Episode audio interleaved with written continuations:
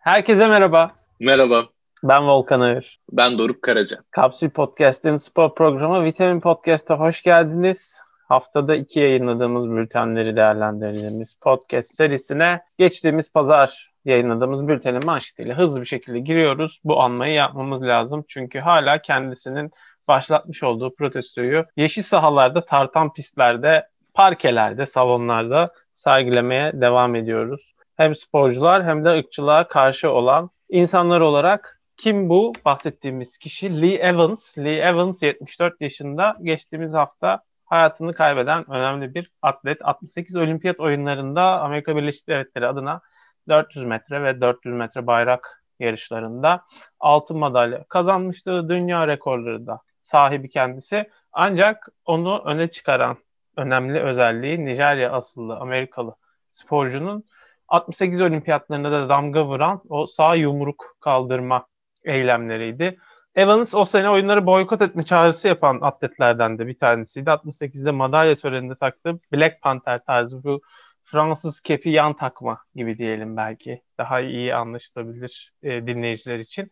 Görmek isterseniz tabii ki kapsül.com.tr adresine giderek bültenimize bakabilirsiniz. Manşet fotoğrafımıza. O beresi ve kürsüde elini havaya kaldırarak vermiş olduğu e, mesajla ırkçılığa karşı duruşunu göstermişti. Black Power hareketinin de başlangıcında yer alan Afro-Amerikalı atletler arasında yer alıyordu. Onun başlatmış olduğu bu hareketi vefatı ardından da anmak, bu hareketin öncülerinden birini öne çıkarmak istedik bu bültende. Hala da aynı eylemler birçok spor dalında devam ediyor. Premier Lig'de görüyoruz, ABD Basketbol Ligi'nde görüyoruz, Amerikan futbolunda görüyoruz, Amerika Birleşik Devletleri'nde. Birçok sporda da zaman zaman irili ufaklı önümüze geliyor. Bu manşetimizle hem de programımıza başladıktan sonra Doruk'un da bu konuda eklemek istedikleriyle birlikte bir NBA'ye geçebiliriz hızlıca. Çünkü orada play-in'ler bitti, playoff'lar başladı. Bu şekilde bir geçiş sağlayabiliriz NBA'ye. Ya öncelikle e, Lee Evans'ın kesinlikle tarihteki hem Amerika tarihindeki yeri hem de siyah sporcular için tarihteki yerini bence güzel çok güzel özetledin zaten. Yani ve ırkçılık Amerika'da da dünyada da hiçbir şekilde bitmiyor. George Floyd'un da e, ölüm yıl dönümü, öldürülme yıl dönümü anıldı son zamanlarda NBA tarafından, takımlar tarafından da. E, ve hani bir şekilde Lee Adams'ı anmaya devam etmek çok önemli. Büyük bir kayıp olduğunu düşünüyorum genel olarak hem Amerika için hem de dünya sporu için. E, Amerika'da da dediğim gibi senin de dediğin gibi play-inler bitti, playofflar başladı. Artık özellikle ilginç maçlara, ilginç dönemlere giriş yaptık diyebiliriz. Öncelikle iki tane ödülle birlikte iki seriden başlamak lazım. Atlanta Hawks New York Knicks karşısında 1-0 öne geçti. Bunu Madison Square Garden'da yaptılar. Madison, Madison Square Garden bildiğin gibi e, direkt olarak Mekke, basketbolun Mekke'si gibi gösterilen bir salon. New York Knicks'in salonu. Ve taraftarlar pandemi döneminden beri ilk kez salona gelebilmişlerdi. İnanılmaz bir atmosfer vardı. Yani ma- maçı izlemeyenler gerçekten sadece seyirciler için tekrarını izleyebilirler. Yani e, Trey Young'ın son saniye basketiyle Atlanta deplasmanda her şeye rağmen kazandı ve Trey Young seyircilere burası birden sessizleşti yapıp böyle Tuncay Şanlı vari bir sus işareti yaptı. Yani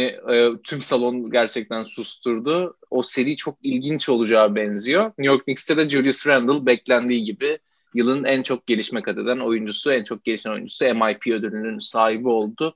Normal sezonu 24.1 sayı, 10.2 rebound ve 6 asist ortalamalarıyla bitirmişti Randle. Bu serinin heyecanı bitmeyecek gibi gözüküyor yakın zamanda. Ee, böyle hızlı hızlı devam edelim serilerden ve bitirelim. Milwaukee Bucks Miami Heat karşısında 2-0 önde. Milwaukee'nin bu sefer favori olduğu konuşuluyordu zaten. Geçen sezon Miami'ye 4-1 yenilmişlerdi konferans yarı finalinde.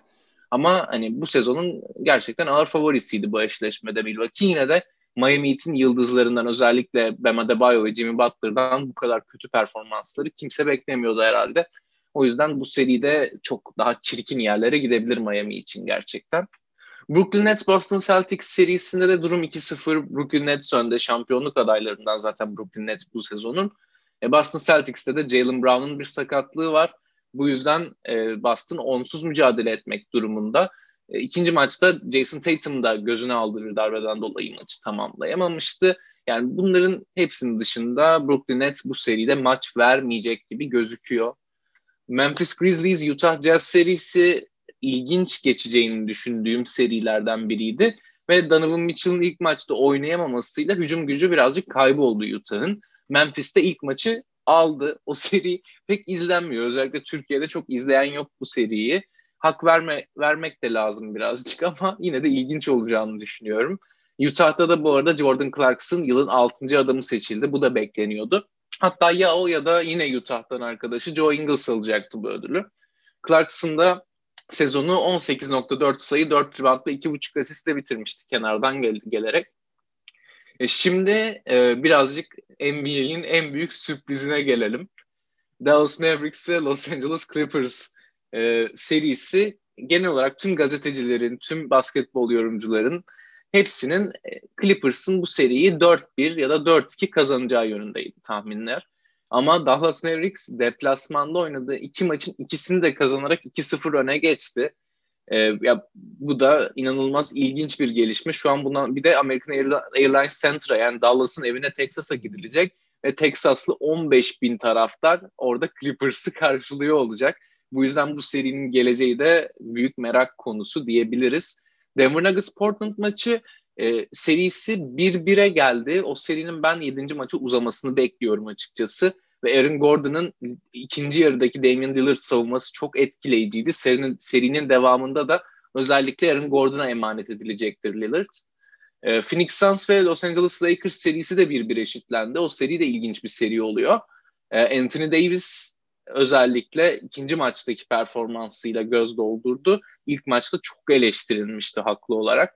E, bu seride de devam edeceğiz. Bakalım neler olacak göreceğiz. Philadelphia 76ers Washington Wizards'ı 1-0 e, yani 1-0 önde şu an Philadelphia. Washington Wizards serisinde. O seride de ben Philadelphia'nın pek maç vermesini beklemiyorum. Bu arada şeye bir gelebiliriz.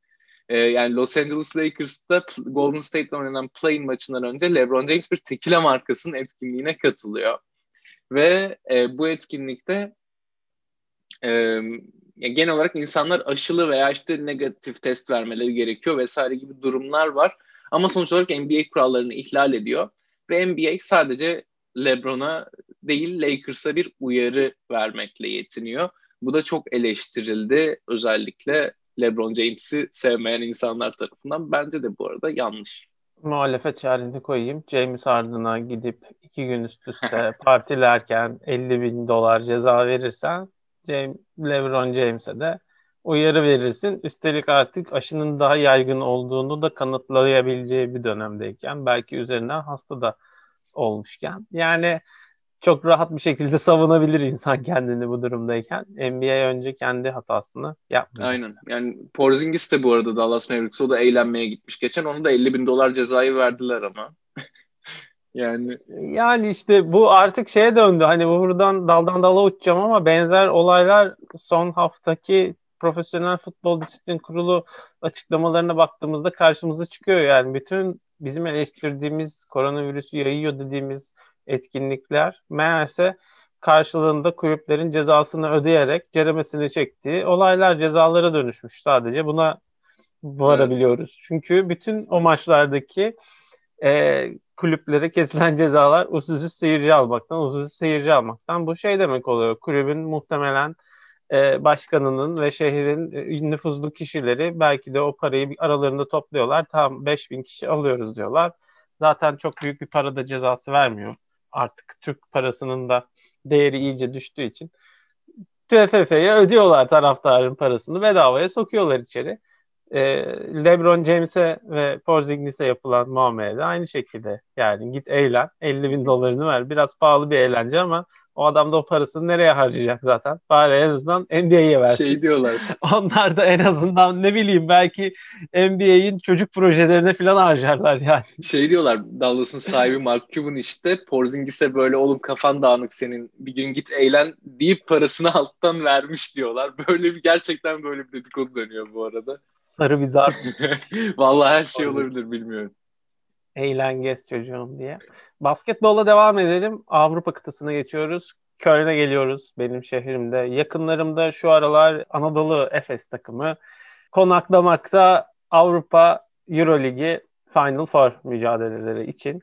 Köln'de hava durumunu hemen vereyim. Yer yer yağmurlu, parçalı bulutlu, sık sık karanlık bir hava geçiriyor. Köln son birkaç gündür. Bakalım basket maçında hafta sonu nasıl olacak? Hafta sonu belki ben de hani beni e, böyle ayrıca takip eden olursa diye söyleyeyim belki Instagram'da salonun etrafından gezerken birkaç taraftar olursa, basketbol sevdalısı olursa otobüs geçerken fotoğraflar çeker koyarım. Şehrime kadar gelmişler ama akreditasyon tabii ki her ülke için hem bu tür uluslararası organizasyonlarda sıkıntı. Ben de zorlamadım. Bir küçük olay yaşandığında duydum bazı gazetelerde yer aldı. Skandal Alman yetkililer Türkiye'den gelecek olan kafileye vize vermiyor diye. Yanlış olmasın belki de bu hafta bir ulusal dini bayram vardı. Belki o güne denk geldiği için bazı işlemler aksamış olabilir diye düşündüm. Ama sonunda çözüldü ve takımda Köln'e geldi. Rakibi de CSK Moskova olacak. Bu hafta sonu Cuma, Cumartesi ve Pazar günleri oynanacak maç. Maçlar ne bekliyoruz acaba sevgili Doruk? Anadolu Efes'ten nasıl gitti Anadolu Efes? Şampiyon olacağız sloganıyla yola çıktı Ergin Ataman diyebiliriz.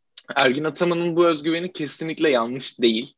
Yani kendisinin haksız olduğunu hiç düşünmüyorum. CSK Moskova karşısında da ve finalde karşılarına hangi takım gelirse de favori Efes olacaktır.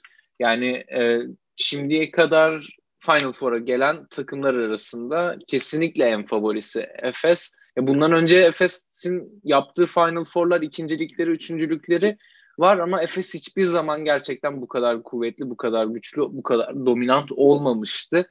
O yüzden ben Türkiye açısından, e, Anadolu Efes'i seven, ona sempati duyan herkes açısından çok keyifli bir Euroleague hafta sonu geçireceğimizi düşünüyorum. Barcelona Olimpia Milano eşleşmesinin galibi muhtemelen Barcelona olacaktır.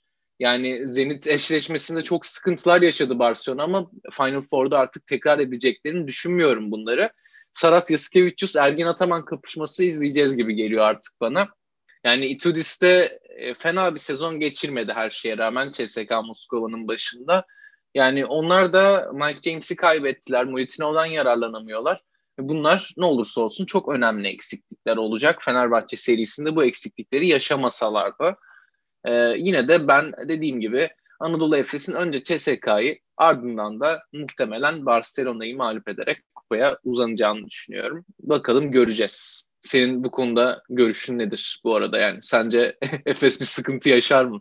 Ben Efes'in bir sıkıntı yaşayacağını beklemiyorum açıkçası ve hatta bu pazar günü e, Ergin Ataman da uzun süredir hasretini çektiği, geçen yıldan beri aslında özlemle hayalini kurduğu o kupaya çok rahat bir şekilde erişecektir. Ben o özgüvene sahip olduklarını biliyorum ama ne zaman böyle büyük konuşsak sonunda da hüsran olabiliyor. O yüzden yine de temkinli olalım. İlk maçı kazandıktan sonra Anadolu Efes finali çok daha rahat oynayabilir diye düşünüyorum. Bir diğer yandan da şöyle bağlamak isterim. Bu pazar günkü oynanacak finalin kazanılması durumunda hani 15 Mayıs'tan bir sonraki iki hafta sonraki pazar gününe kadar e, Türkiye menşeili sporcuların ve spor takımlarının kazandığı bir başka kupa daha olacak. Bu sefer basketbol sporunda.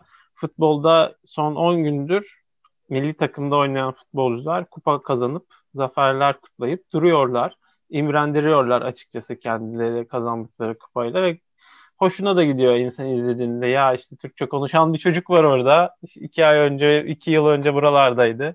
Şimdi oralarda. E, ayrı bir e, neşe katan görüntüler de oluyor tabii ki bunlar. Bunları bu haftaki son bültenimizde manşet olarak sizlere sunmaya karar verdik. Kim onlar? Merih Demiral İtalya Kupası'nı kazandı Juventus'la. Kadrodaydı, yedek oynadı ancak o da zaten uzun süredir kadro rotasyonunda yer alan bir oyuncu olduğu için bu kupayı kaldıran oyuncular arasında adının yer almasında sakınca görmediğimiz biri. Çağlar Söyüncü Chelsea ile oynadılar. Federasyon kupasını kazandı. O da Premier Lig'de bir şanssızlık yaşadılar belki. Yine dördüncü bitiremediler. Şampiyonlar Ligi kotasından oldular ama bir kupa kazandı İngiltere'de. milli bir futbolcu. Ardından Fransa Ligi'nde haftalardır beklenen son nihayet yaşandı ve Lille'de Burak Yılmaz penaltı golü de attı e, son maçta. Takımına 3 puan kazandırdı. Zeki ve Yusuf'un da müthiş sezona yayarak oynadığı müthiş performansıyla Lille Paris Saint Germain'in önünde, Neymar'ın, Mbappe'nin, Di Maria'nın önünde bayağı sağlam bir takımın önünde şampiyon oldu. Öyle ya da böyle bir puanla, 3 puanla, 8 golle, eksi 2 averajla vesaire neyse. Ama e, harika bir 10 gün geçiriyor. A takımında da yer almaları bu oyuncuların. Takıma ayrı bir hava katarak e, turnuvaya hazırlanma şansı tanıyacaktır diye düşünüyorum. Arkadaşlarının özgüvenini gören futbolcular onlarla birlikte daha iyi olacaktır diye düşünüyorum. Diğer yandan Hakan Çalhanoğlu mesela o da İtalya'da ligi iyi bir yerde bitirdi ve mutlu döndü e, ve mutlu oldu olarak katıldı kampa ki kampa yeni katılan bütün futbolcuların da açıklamalarını Euro 2020 başlığıyla ayrıca bültende derleyip sizlere aktardık son bültende. Onların açıklamalarını da ayrıca bulabilirsiniz. Bu şekilde çok farklı ülkelerde, farklı takımlarda, farklı kupa organizasyonları, biri lig, biri İtalya kupası, biri federasyon kupası da olsa sezonu zaferle tamamlayan futbolcu sayısının milli takımda da çok fazla olmuş olmasının Avrupa Şampiyonası'nda da etkisi olacağını düşünüyorum. Bunu böyle bağladım. Yarın da maç var Azerbaycan öncesi. Muhtemelen son katılan kafiledeki Avrupa liglerinde oynayan oyuncular yer almayacak. O açıdan da Halil Kerem Aktürkoğlu gibi isimleri izleyebileceğimiz bir maç olabilir Azerbaycan karşılaştırması. Hazır lafı da gelmişken Kapsül'ün Twitter hesabından, Twitter Spaces'tan maç öncesi ve maç sonrası karşılaşmayı yorumlamak ve muhtemel 26 kişilik kadro tahminlerimizi yapmak üzere. Çünkü 1 Haziran'da kadro netleşecek. Kapsül Bülten hesabından Twitter'da Spaces açarak e, yorumlayacağız. Oraya da bekleriz. Ama Avrupa'ya dönersek de umuyorum önümüzdeki sene benzer başarıları Stuttgart'ta Ömer Faruk, Frankfurt'ta Ali Akman ve Ozan Kabak şu anda hangi takıma gidecek henüz belli değil. Schalke'ye geri dönmesi oradan da belki Leipzig'e transfer olması gibi tartışmalar gündemde. Gideceği yeni takımda kupa kazanması. Ülke futboluna bu şekilde ayrı bir özgüvenli gençler katacaktır diye düşünüyorum. O gençlerden biri olarak sözü de Doruk'a bırakıyorum. ya bu arada artık ben Uğurcan Çakır ve Ozan Tufan'ın da Euro'dan sonra Avrupa yapmalarını ve başarıları orada kovalamalarını istiyorum. Yani ve bence böyle olacaktır. Onun yanında dediğin şeylerin hepsi çok önemli bence de ve şu an milli takımda şampiyonluk yaşamış yaşamamış herkesin mutluluğu birbirine bulaşıyor. Tüm işte Instagram storylerinden çektikleri videolardan oradan buradan bunu görmemek elde değil. Yani şimdiye kadar hiçbir şekilde bu kadar e, tamamını içimize sindirdiğimiz sempati duyduğumuz bir milli takımımız da olmamıştı gibi geliyor. Yani o yüzden de gerçekten çok en çok beklediğimiz turnuva bu Euro 2020 olacak herhalde. E, bu arada e, Çağlar işte Cengiz FA Cup başarısını da elde ettiler ama yani Çağlar'ın artık daha büyük bir takıma gitmesi gerektiğini de düşünüyorum ben. Yani 24. yaşını kutladı geçtiğimiz günlerde yanlış hatırlamıyorsam. Yani Leicester tabii ki büyük bir kulüp ve dönüştü geçtiğimiz yıllarda.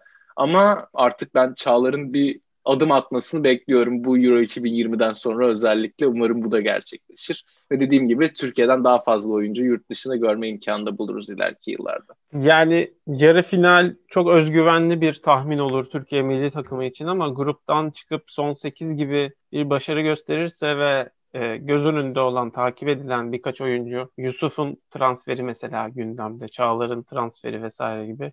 Onlar da iyi pro- iyi performanslar gösterirlerse zaten Euro 2020'den sonra oyuncuları en çok kapışılacak takım muhtemelen Türkiye milli takımı olacak. Yanında başka yıldızlar da parlayabilir eğer 26 kişilik kadroya girebilirlerse. Ya bu arada şey diyeceğim. Son 8'e kalmak Türkiye'nin birazcık fikstürüne baktım da çok zor gözükmüyor. Çünkü enteresan bir sistem var bu sene. E, bizim A grubu değil mi grubumuz? Evet. Şimdi A grubunu biz birinci bitirirsek C grubunun galiba ikincisiyle oynuyoruz. Ya B ya C ve B, B ve C grupları çok kolay. Ya onu da söylemem lazım. Belçika ve Hollanda dışında işte onlar lider çıkacak. Tabii o gruplarda Belçika ve Hollanda'yı lider diye düşünüyorsun. Evet yani öyle bir sürpriz olmayacağını düşünerek söylüyorum. İkinci çıkarsak da bu gruplardan birinin birincisiyle değil yine ikincisiyle oynuyoruz B ya da C'nin. Yani çünkü bu en iyi üçüncü muhabbetleri falan filan var bunlardan dolayı. Yani o yüzden ben son 16'da Türkiye'nin favori olacağını düşünüyorum son 16 eşleşmesinde. Hiç değilse gruptan çıkma konusunda bir sürpriz, bir hani, facia yaşanmazsa erkenden. Yani, yani artık e, gruplardan yüzden, üçer takım çıkabildiği için bir zahmet. Evet. Gruptan elenmeden Aynen, bir zahmet turnuvaya devam yani. edebilmesini ümit ediyoruz. 2016'da Hı-hı. yaşanan faciayı yaşamayı görmek bir daha istemediğimiz bir turnuva. Özellikle o turnuvadan sonra neredeyse tamamen yenilenmiş bir kadroyla sahneye çıkacak Türk milli takımı. Bu arada ev sahibi şehirler ve stadyum kapasiteleri değiştiği için UEFA ilk açıklandığı haliyle biletlerin ilk satışa çıkarıldığı e, zaman bilet alan bilet sahiplerine bir mail atarak biletlerinin iptal edildiğini söyledi. Bunu da eklememiz lazım.